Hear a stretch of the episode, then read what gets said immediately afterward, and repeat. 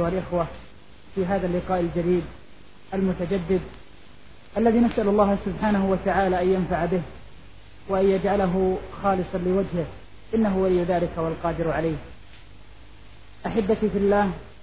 وقبل أن نبدأ مع محاضرنا لهذه الليلة دكتور بيان صالح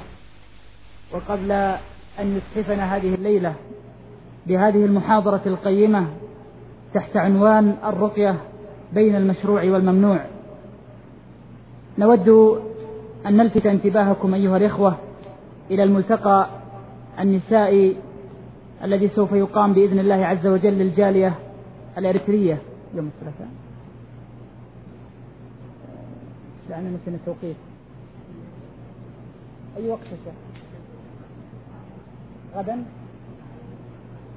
يوم الجمعة القادم بإذن الله بعد صلاة العصر إذن لا عذر لأحد الآن أيها الإخوة فأصبح الآن ملفق النساء يقوم عليه داعيات فاضلات في لجنة إعمار المساجد وأظنها معروفة إن شاء الله التخصصيفي نهاية شارع أو طريق خريص كذلك نود أن نلفت انتباه الإخوة إلى أنه يوجد مجموعة من الأشرطة تباع بعد نهاية المحاضرة بإذن الله عز وجل و هي على النحو التالي كفى بالموت وعظى أسباب الخلافات الزوجية الابتلاء في حياة المسلم والتبرك بين المشروع والممنوع أيها الإخوة أترككم الآن مع محاضرنا فضيلة الشيخ الدكتور بيان صالح حفظه الله في هذه المحاضرة بعنوان الرقية بين المشروع والممنوع فإلى المحارة وإلى محاضرناإالحمد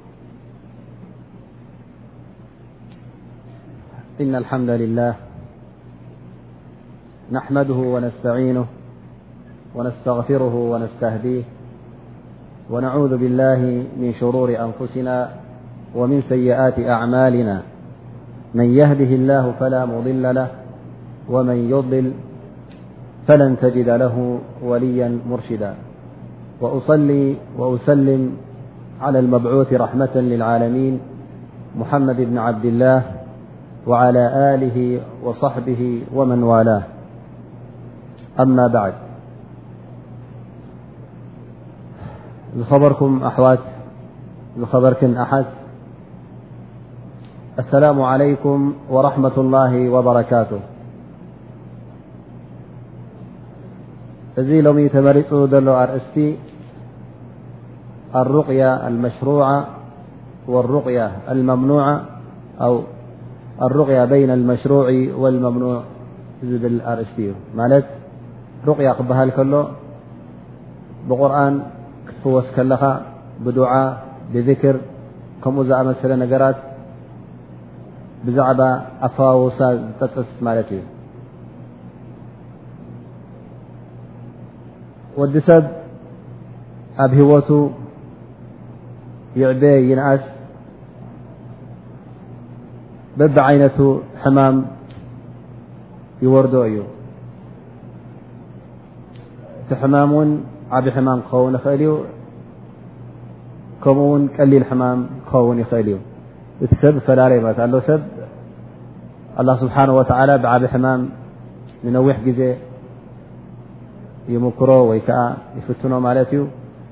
ኣለዉ ድማ ሕፅር ዝበለ ግዜ ኣላ ስብሓን ወተላ ነቲ ሕማም ካብቲ ሕማም የላቕቖም ኣሉ ድማ ኣ ስብሓን ወተላ ሙሉእ ጥዕና ዝህቦ ብጀካ ጉንፋዕን ሰዓልን ካልእ ሕማም ዘየጓንፎ ሰብ እውን ኣሎ እዚ እውን ናይ ረቢ ነገር ስለ ዝኾነ ኣብ ኢድ ወዲ ሰብ እውን ስለ ዘይኮነ እዚ ነገር እዚ እውን ኣላ ስብሓን ወተላ ነቢ ስለ ላ ለ ወሰለም ከመይ ጌርና ካብ ንፍወስ እዚ ሕማም እዚ ተጓኒፉና እውን እንታይ ክንገብር ከም ዘለና እቲ ሸርዒ እስልምና ኣብሪሁልና እዩ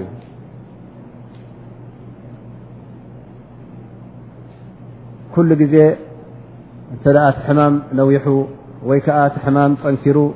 ላዕልን ታሕትን ንብል ፈውሲ ንክንረክብ ንዓና ይኹን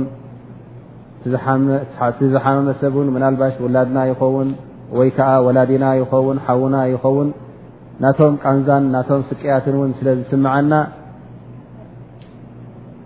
ፈቐድኡ ፈውሲ ክነናዲ ላዕልን ታሕትን ንብል ኢና ብዓቕሊ ፅበት እውን ዳርጋ ኣብዘይ ንበፅሖ ቦታ የብልናን ማለት እዩ ምክንያቱ እቲ ቃንዛን እቲ ዘሸግረና ዘሎ ኩነታት ወይ እቲ ቃንዛ ኣብ ሓውና ይኹን ኣብ ውላድና እንሪኦ ዘለና ብጣዕሚ ስለ ዘሸግረና ላዕልን ታሕትን እናበልና ኣብዘይ ንኣትዎ የብልና ነታ ፈውሲ ንምርካብ እዚ ሓውና እዚ ካብታ ረኪባቶ ዘላ ሕማም ካብቲ ወሪድዎ ዘሎ ሙሲባ ካብቲ ወሪድዎ ዘሎ ጭንቂ ንክወፅእ ማለት እዩ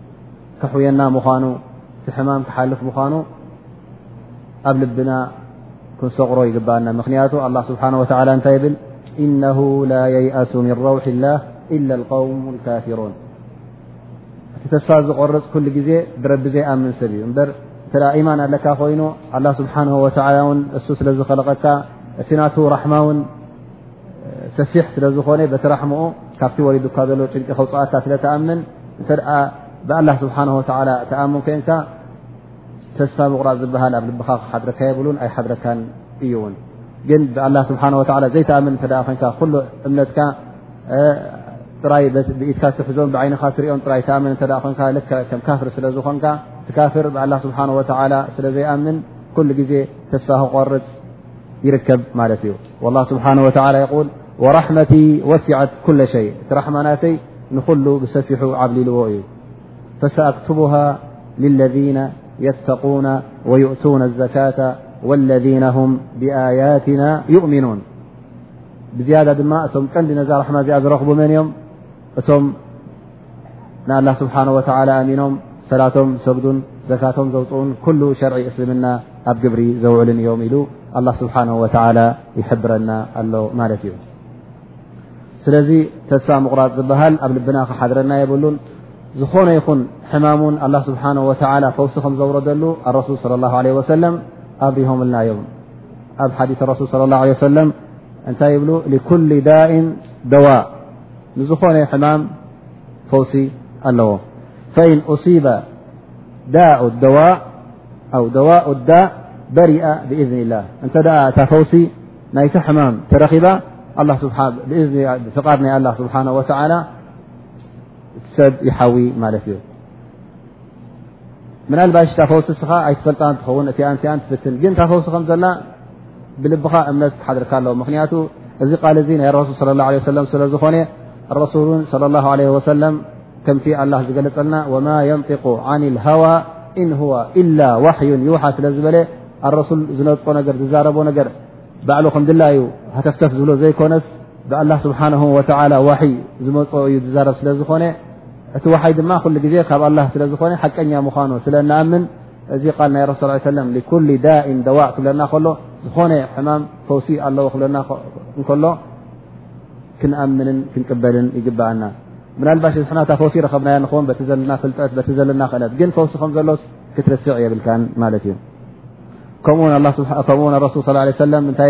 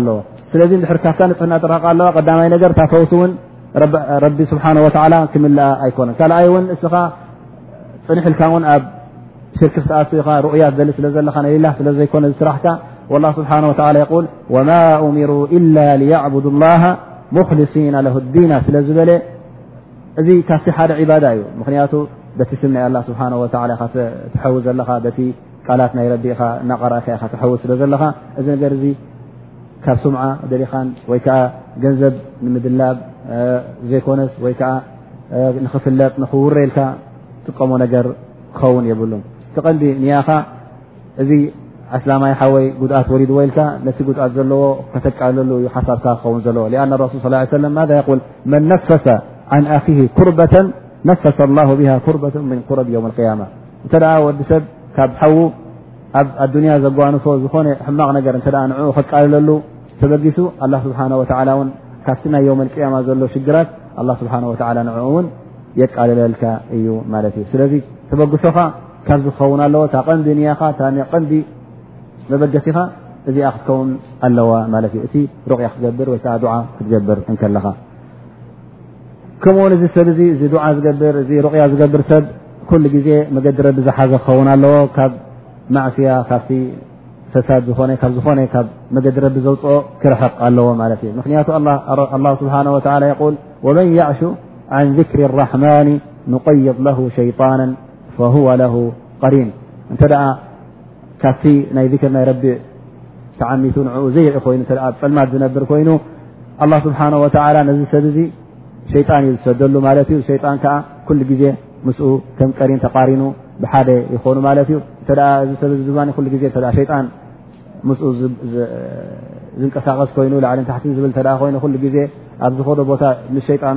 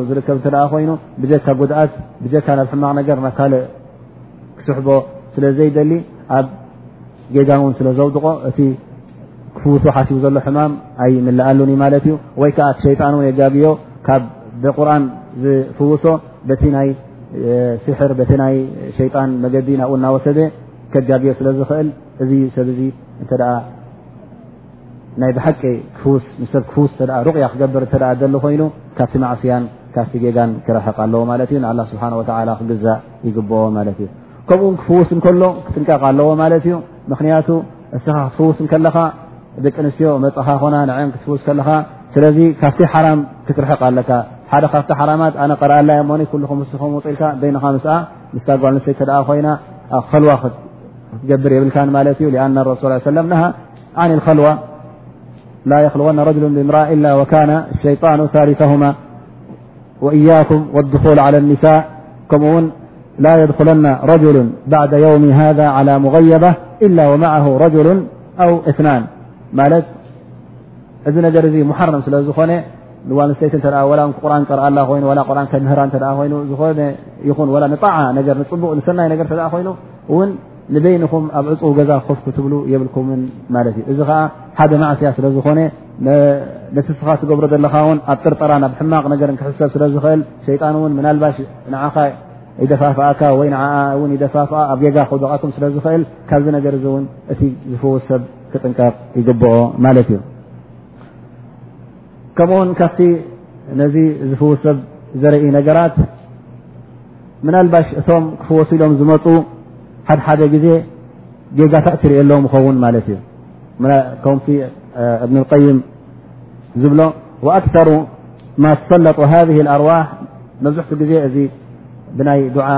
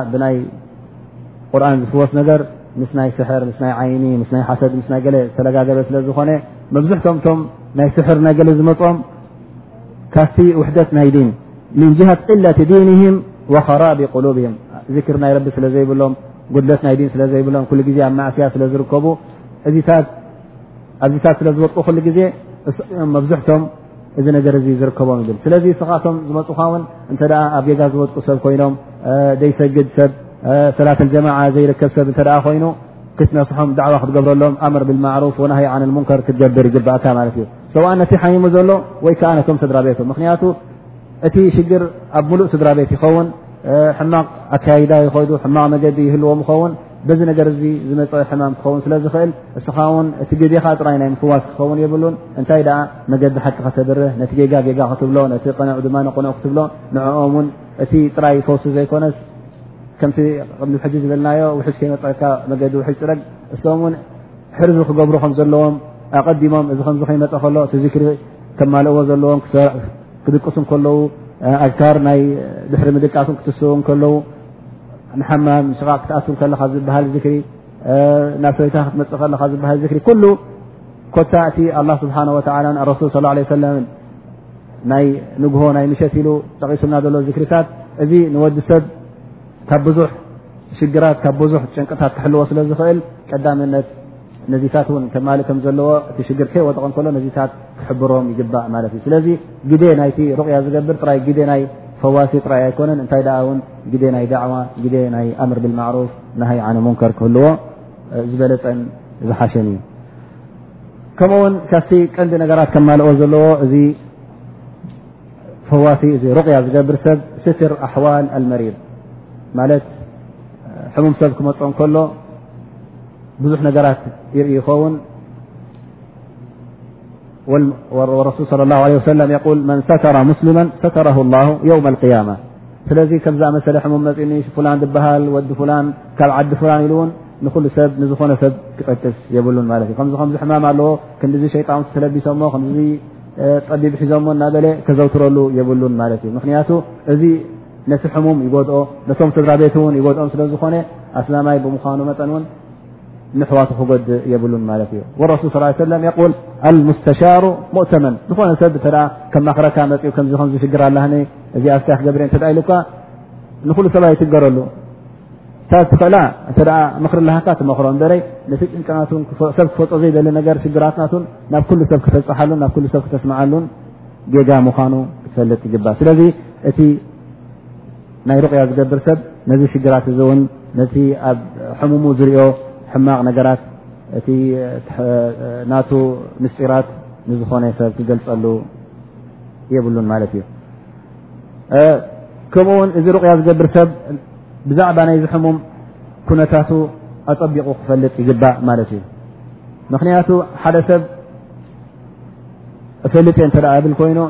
እንታይ ሕማም ከም ዘለዎ ድማ ዘይፈለጥ ተ ኮን ከመይ ከምትፍውሶ እውን ክትፈልጥ ኣይትኽእልን ኢኻ ማለት እዩ እዚ ነገር እዚ እውን ብብዙሕ መገድታት እዩ ዝፍለጥ ኣለዉ ፍርቆም ኣላ ስብሓን ወተላ ክለት ሂቦም ፊራስ ኣለዎም ከምቲ ኣረሱ ሰለም ንሓንቲ ካብተን ሰሓባ ኣብ ንእሽተይ ቆልዓ ርእዋ ምስ ረኣያ ኣብ ገፃ ዓላጡ ብ ከሎ ፈይዋ እዚኣ ቆልዓ እዚኣ ዓይኒ ኣለዋ ኢሉ ተዓይና ዘላ ኢሉ ጠቂስሎም ማለት እዩ ኣለዉ ርኢ ከብሩካ ከለዉ ብገፅካ እንታይ ዓይነት ሕማም ከ ዘለካ ዝፈልጡ ማለት እዩ እዚ ከዓ ካብቲ ተመክሮ ናቶም ይኹን ወይ ከዓ ካብቲ ክእለት ኢማን ዘለዎም ክኸውን ይኽእል ማለት እዩ ከምኡውን ነቲ ሕሙም ክሓቶ ኣለዎ ማለት እዩ እንታይ እንታይ ይስምዓካ ከመይ ይስምዓካ እናበልካ ክትሓቶ ምክንያቱ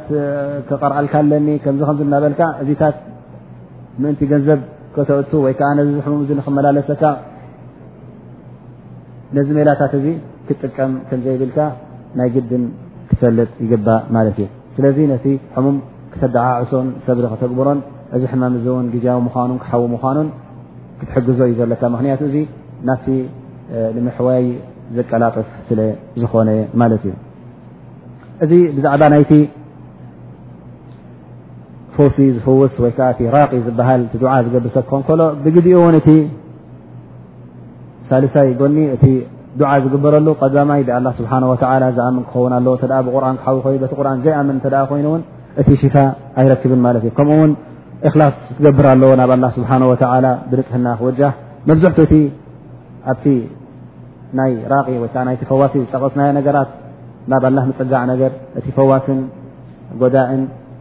ሕማም ኣምፃእን ሕማም ኣልዓልን ኣላ ስብሓን ወተላ ምኳኑ ክኣምን እዚ ኩሉ ነገራት እውን እቲ ዝፍወስ ክኣምን ኣለዎ ኣብ ርእሲኡ ብዝያዳ ሰብሪ ወይ ከዓ ትዕግስቲ ክህልዎ ኣለዎ ኩሉ ግዜ ምናልባሽ ሓደሓደ ሰብ ቁርን ተቐሪእዎ ሰለተኣርባዕተሻዕ ገለመሌታት ኢሉ ክሳዕ ግ ሕጂ ግን ኣይሓወወየ ንብል ምክንያቱ እዚ ከዓ ትዕግስቲ ናይ ምስኣን እዮ ኣለዉ ፍርቆም ዓመት ዘድልዮም ኣለዉ ፍርቆም ሓንቲ መዓልቲ ዝሓዊ ስለዚ እቲ ናይ ምሕዋይ ነገር ጥራይ ኣብ ምቕራእ ኣይኮነን ትቐንዲ ዝሕዊ ነገር ኣላ ስብሓን ወላ ስለ ዝኾነ እታ መዓልቲ ክሳዕ ትመፅእ እስኻ ስብር ጌርካ ፈውስኻ ክትቅፅል ይግባእካ ማለት እዩ ስለዚ እንታይ ኮይነ ሓወኹ እንታይ ኮይኑ ተፈወስኩ እዚ ሉ ቆራ ናይ ተቐርኣለ ክትብል የብልካ ማለት እዩ ምክንያቱ እንታይ ጉድለት ከም ዘሎ ኣይትፈልጥን ኢ ናልባሽ ጉድለት ኣብ ነብስኻ ኸውን ወይዓ ኣብቲ ዝቐርኣልካ ዘለ ኸውን ኣላ ስብሓን ወላ እውን እታ መዓልቲ ዝበላ ኩን ዝበላ እሳ ያታ ፈውሲ ትመፅእ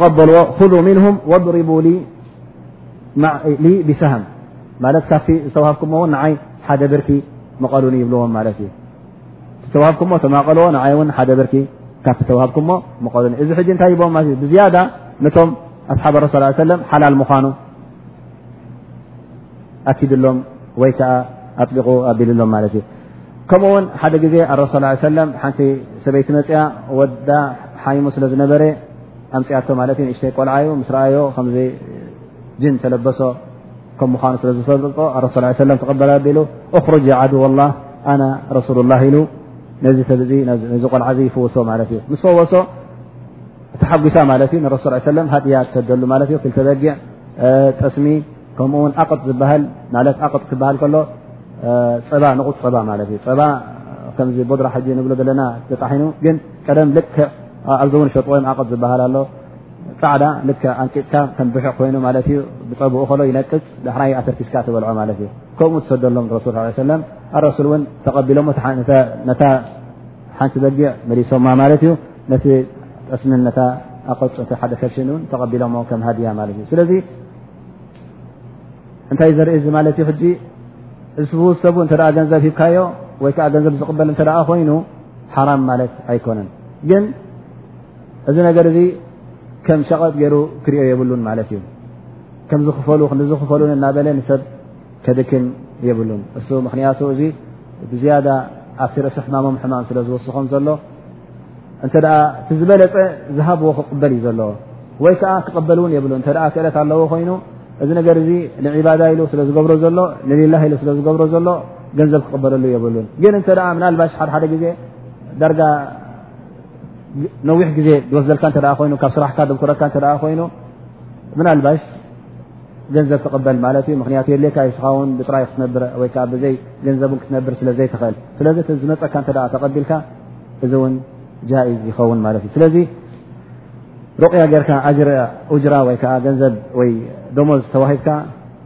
ምቕባሉ ሓራም እዩ ክንብል ኣይንኽእልና እንታይ ሓላል እዩ ምክንያቱ ረሱ ሰለም ኣብ ግዜኦም ስለተገበረ ዝገበርዎን እቶም ኣስሓብ ረሱ ሰለም ክቕበሉ ከለዉ ተቐበሉ ስለ ዝበልዎም ኣብ ሸርዒ እስልምና ክልኩል ከምዘይኮነ ክፈልጥ ንኽእል ማለት እዩ ግን ኣለ ሓደ ሓደ ነገራት ድማ ክንጥንቀቐሉ ዘለና እዞም ዝቐርኡ ሰባት ምናልባሽ እንተ ሓደ ብዙሕ ሰብ ዝመላለስዎ እንተ ኮይኖም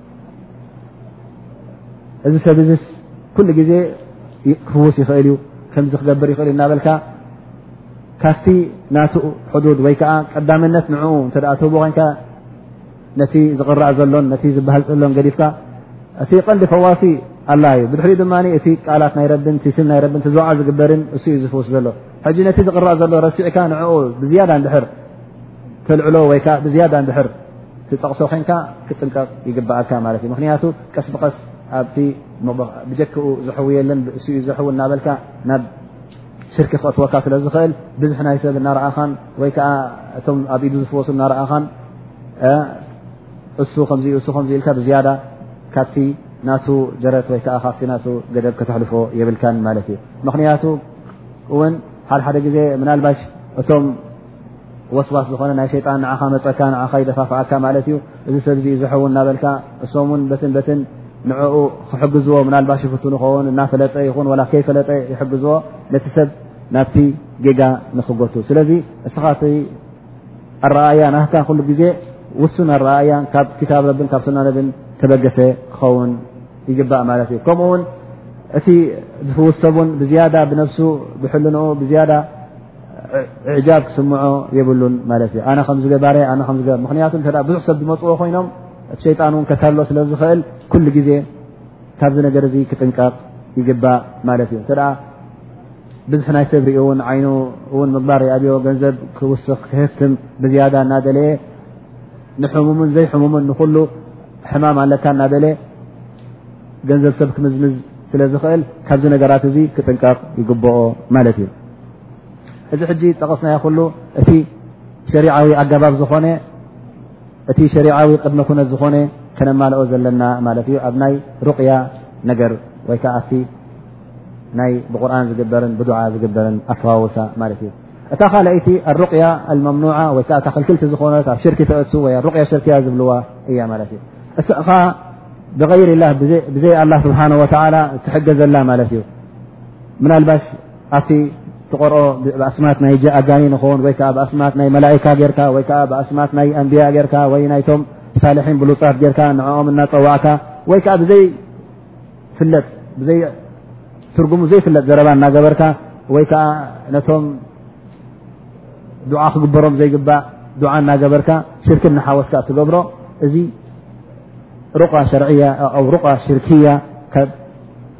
መገዲ ሸርዒ ዝወፀ ይበሃል ሓደ ካብኡ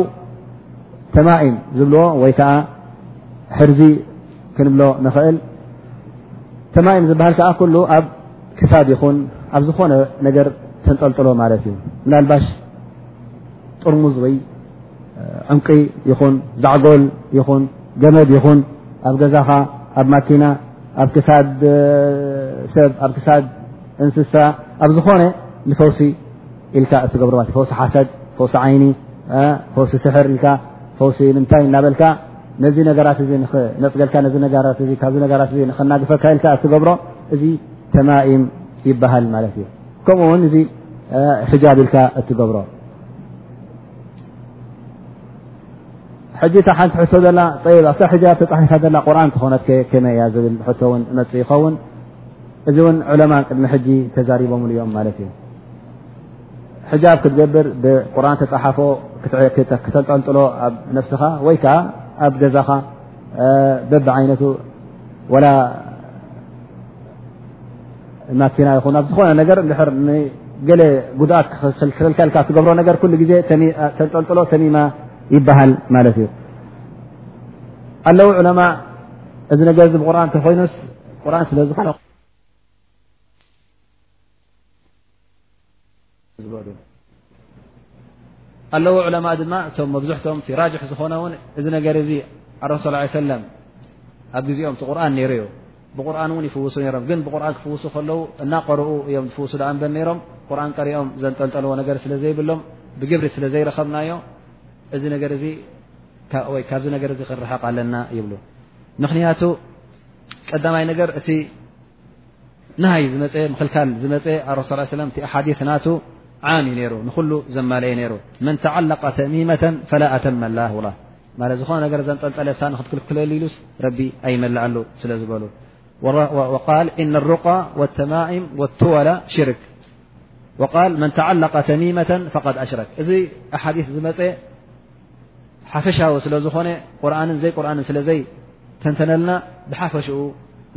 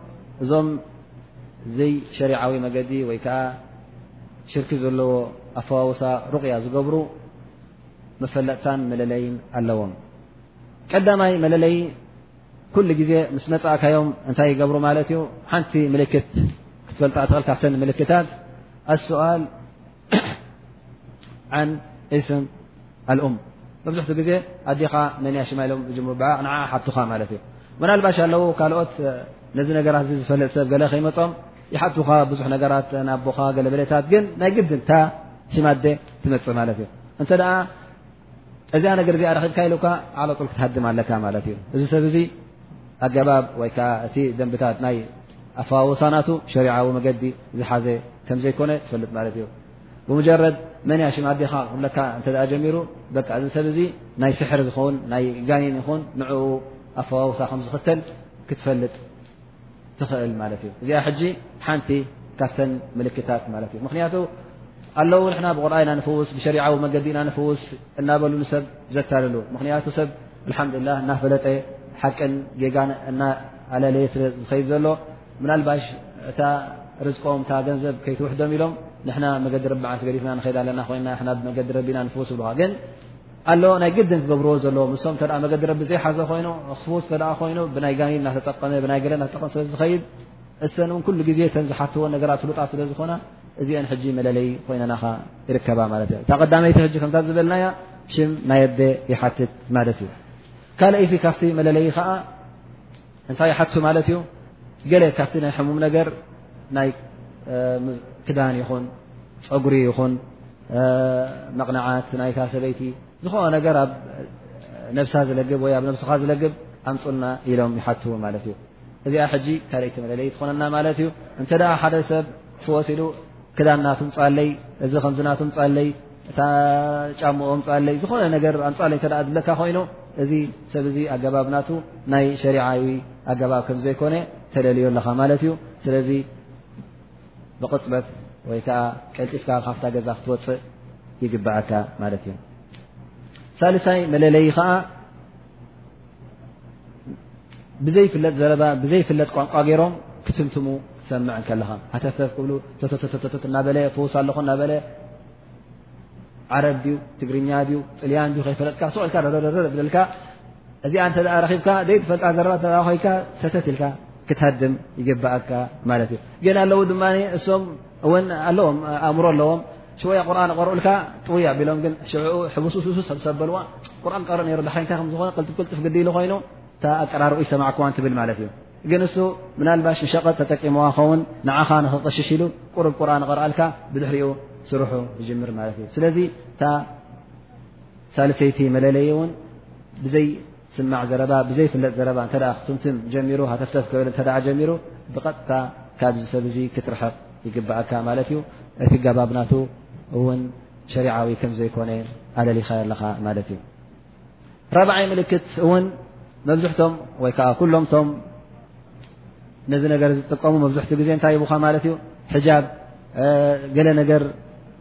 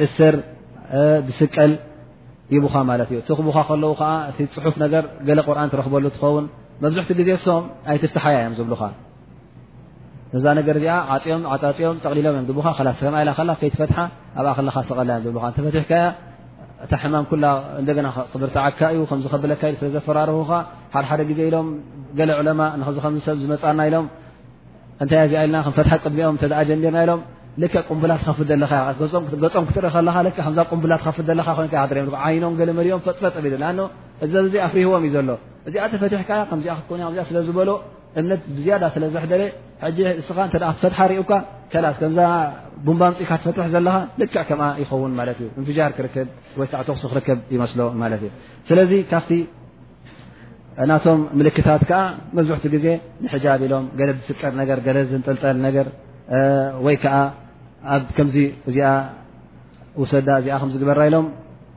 ሕጃብ ዝኣመሰለ ነገራት ዕንቂ ዛዕጎል ገለመሌታት ይብኻ ማለት እዩ እዚ ሕጂ ሓደ ካብቲ መለለይኦም ማለት እዩ ሓሙሻይ መለለይ እውን ኣለዎም ንሸሪዓ ዝነፅግ ነገራት ንዑ ንክትገብር እዝዙኻ ማለት እዩ ሓደ ካብኡ ምናልባሽ ይብልኻ ንሰም ውን ማይ ኣይትቕረብ እንታይ ማለት እዩ ሰም ን ማይ ኣይትቕረብ ትበልኻ እንታይ እዩ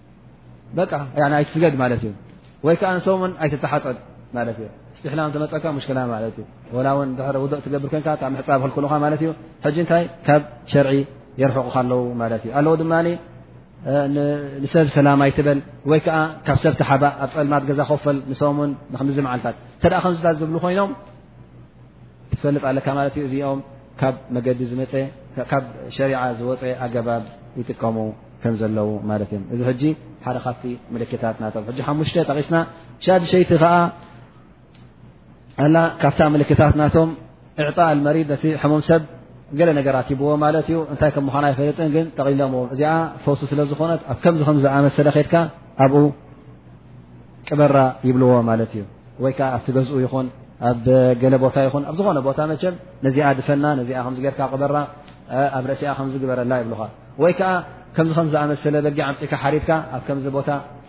ድፈኖ ወይ እውን እንተ ክምኡ ክብልካ ዘይክ ሓንሳ እውን ጠለብ ኣለዎም ቀጠልያ በጊዕ ፀሊም ደርሆ እታይ እንታይ ዶብልካ ሕጂ እዚኦም ማለት ሕጂ መብዝሕቲ ግዜ ነቲ ጅኒ ነቲ ጋኒን ዝሕረድ ነገራት ስለ ዝኾነ እንተ ከምዚ ዓይነት ጠለባት ኣቕሪቦምልካ እዚ ሰብ እዚ ካብ ሸሪዓዊ ዝወፀ መገዲ ተኸቲሉ እዩ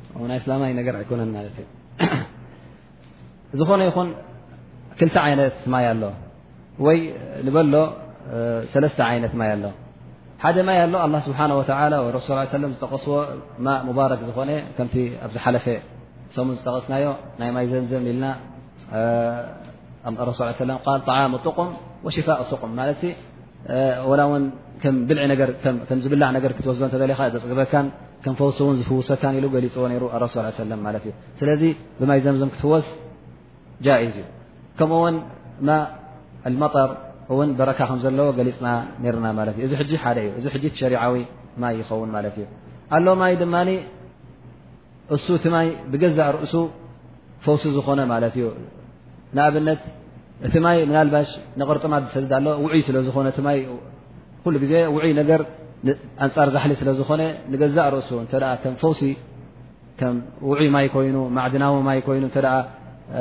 ኣብ ነብስኻ ኣብ እግርኻ ኣልጊብካዮ ነቲ ዘለካ ቅርጥማት ሰተ ኮይኑ እዚ ሕጂ እንታይ እዩ ኣላ ስብሓን ወተላ ከምኡ ገይሩ ውዑይ ስለ ዝኸለቆ ዋዒ ትበሎኻ ማለት ዩ ነብስኻ ትሓውለኻ ማለት እዩ እዚ ሕጂ ልክዕ ከም ሓደ መድሃኒት ትቕበሎ ኣለኻ ማለት እዩ ሳልሳይ ማይ ኣሎ ሰብ ባዕሉ ማይ ፀሎት እዩ ማይ እንታይ እዩ እናበለ ማይ ሸክፍላን እዩ እናበለ ዝጥቀመሉ ማለት እዩ እዚ ሕጂ መብዝሕቱ እቲ ብዓድና ዘሎ ማይ እንታይ ተሓፂብና ማይ ፍላን ከድና ማይ ፍላን ተሓፂብና ዝብልኻ እንዳባ ፍላን እንዳባ ፍላን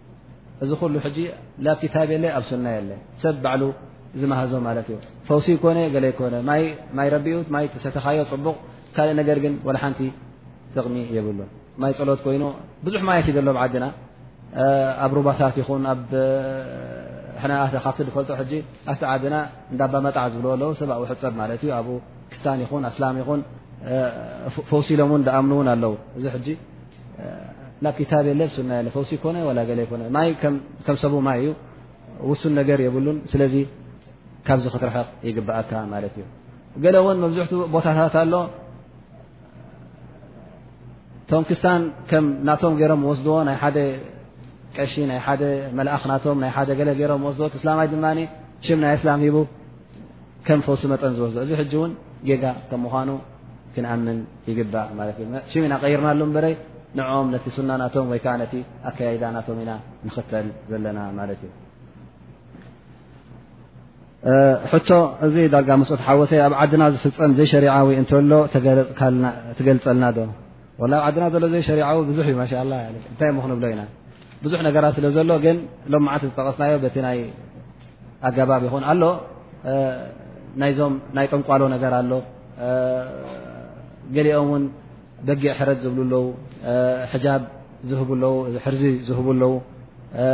ዕንቁታት ዝገብሩ ኣለው ከምዚ ኣንጠልጥል ዝብሉ ኣለው እዚ ሕረድ ዝብሉ ኣለው መሊኦም እዮም ኣይናዮም ክጥቀስ ሎም መዓልቲ ግን ብዕብልሉ ነጊርናኩም ኣለና እንታይ እንታይ ከም ዝጠልቡ ነጊርናኩም ኣለና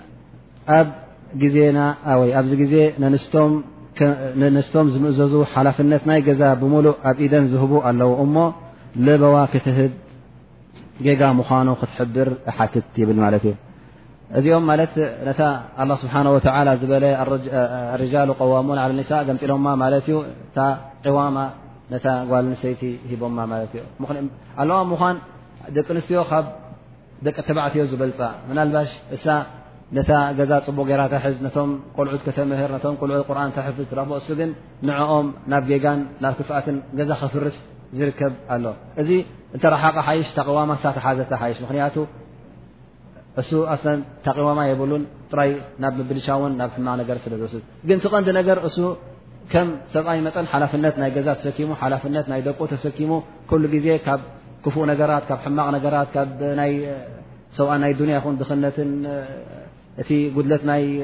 ኩሉ ነገራቶም ናይ ኣናብርኦምን ወይ ከዓ ጉድለት ናይ ዲኖምን ንኩሉ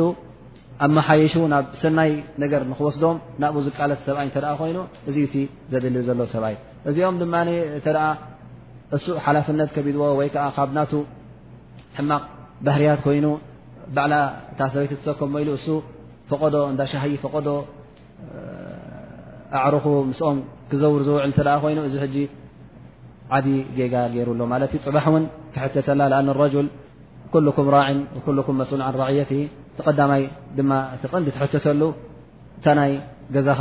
ቶም ሰበይትኻን ደቅኻን ስለ ዝኾኑ ፅባሕ ኣላ ስብሓን ወላ ብቀዳምነት ነዞም ደቅኻ እንታይ ከም ዝገበርካሎም እንታይ ዓሊምካዮም እንታይ ኣሚርካዮም ካብ ምንታይ ኣርሒዕካዮም ናብ ምንታይ ከ ስሒብካዮም ክትሕተት ስለ ዝኾንካ ክትፈልጥ ይግብኣካ ማለት እዩ ካልኣይ ሕቶ ይብል ብዕርክነት ክዛወሩ ፀኒሖም ክሳብ ፅንሲ ይርከብ ድሕሪዚ ምስ ተፈልጠ ቤተሰባ ንኡ ቤተሰባ ንዓኣን ተሳተሩ ኢሎም ሓዳር ግበሩ ይብሉ ማለት ስለዚ ኣብዚ ጥንሲ ስለዚ እዚ ጥንሲ እዚ ናይ ሓራም እዩ ነዚ ዓቕዲ ጌርካ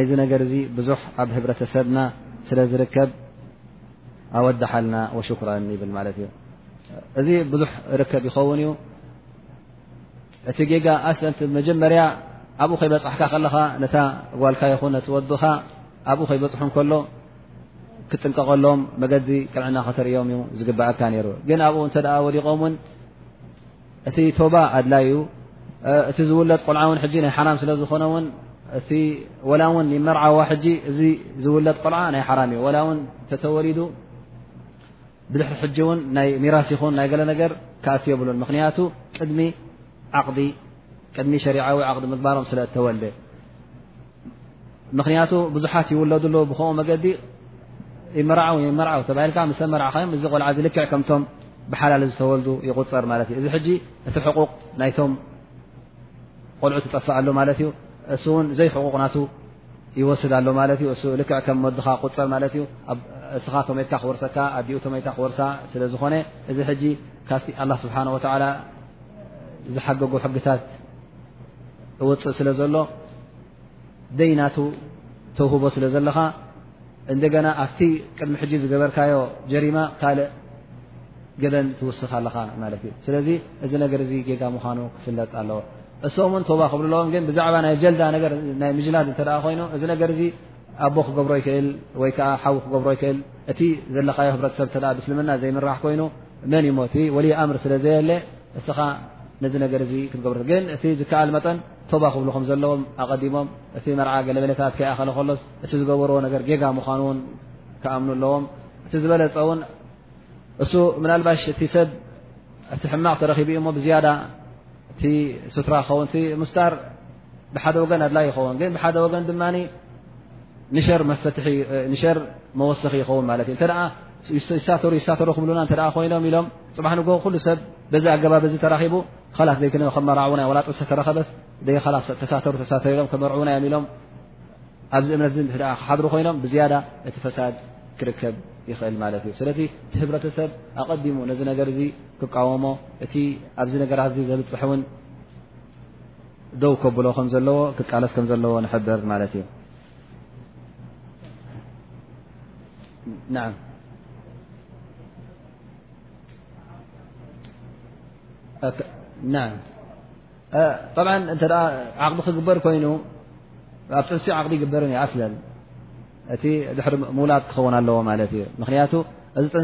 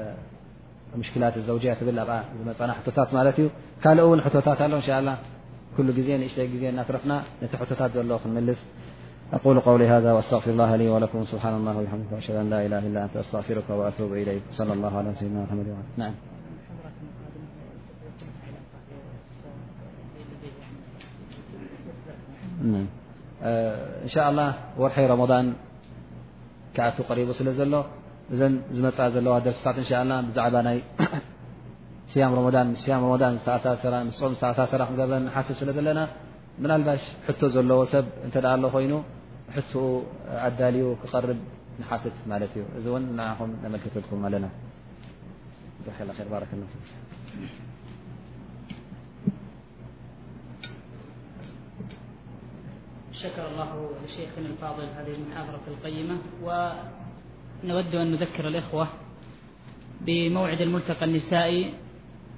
وهذا الملتقى خاص باللغة الإرترية سوف يكون يوم الجمعة القادم بعد صلاة العصر بإذن الله في لجنة إعمار المساجد كذلك ننبه الإخوة إلى مجموعة الأشرطة التي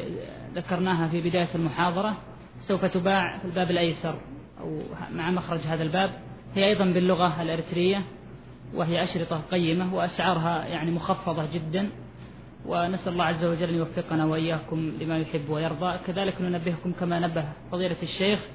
إلى أن المحاضرتين القادمتين أو الثلاث سوف تكون عن شهر رمضان بإذن الله وعن ما يتعلق به من أحكام وأحوال السلف في شهر رمضان المبارك فمن كان لديه أسئلة أو استفسارات